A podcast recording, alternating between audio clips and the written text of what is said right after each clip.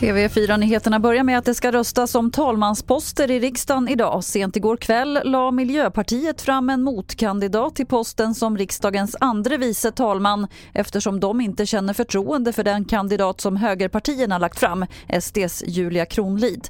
Att Andreas Norlén får fortsatt förtroende som talman verkar klart. Nu varnar Riksförbundet M Sverige för att privatpersoner som leasar bilar kan få kraftigt höjda månadskostnader i takt med att räntan går upp.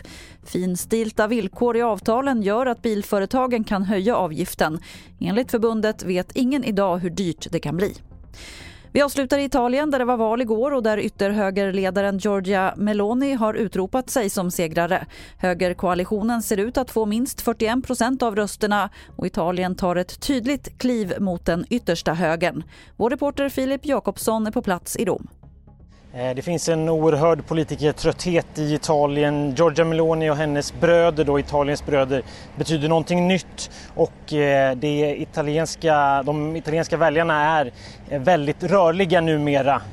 Och det här är en stor förklaring, alltså tröttheten på de partierna som har regerat sedan valet 2018.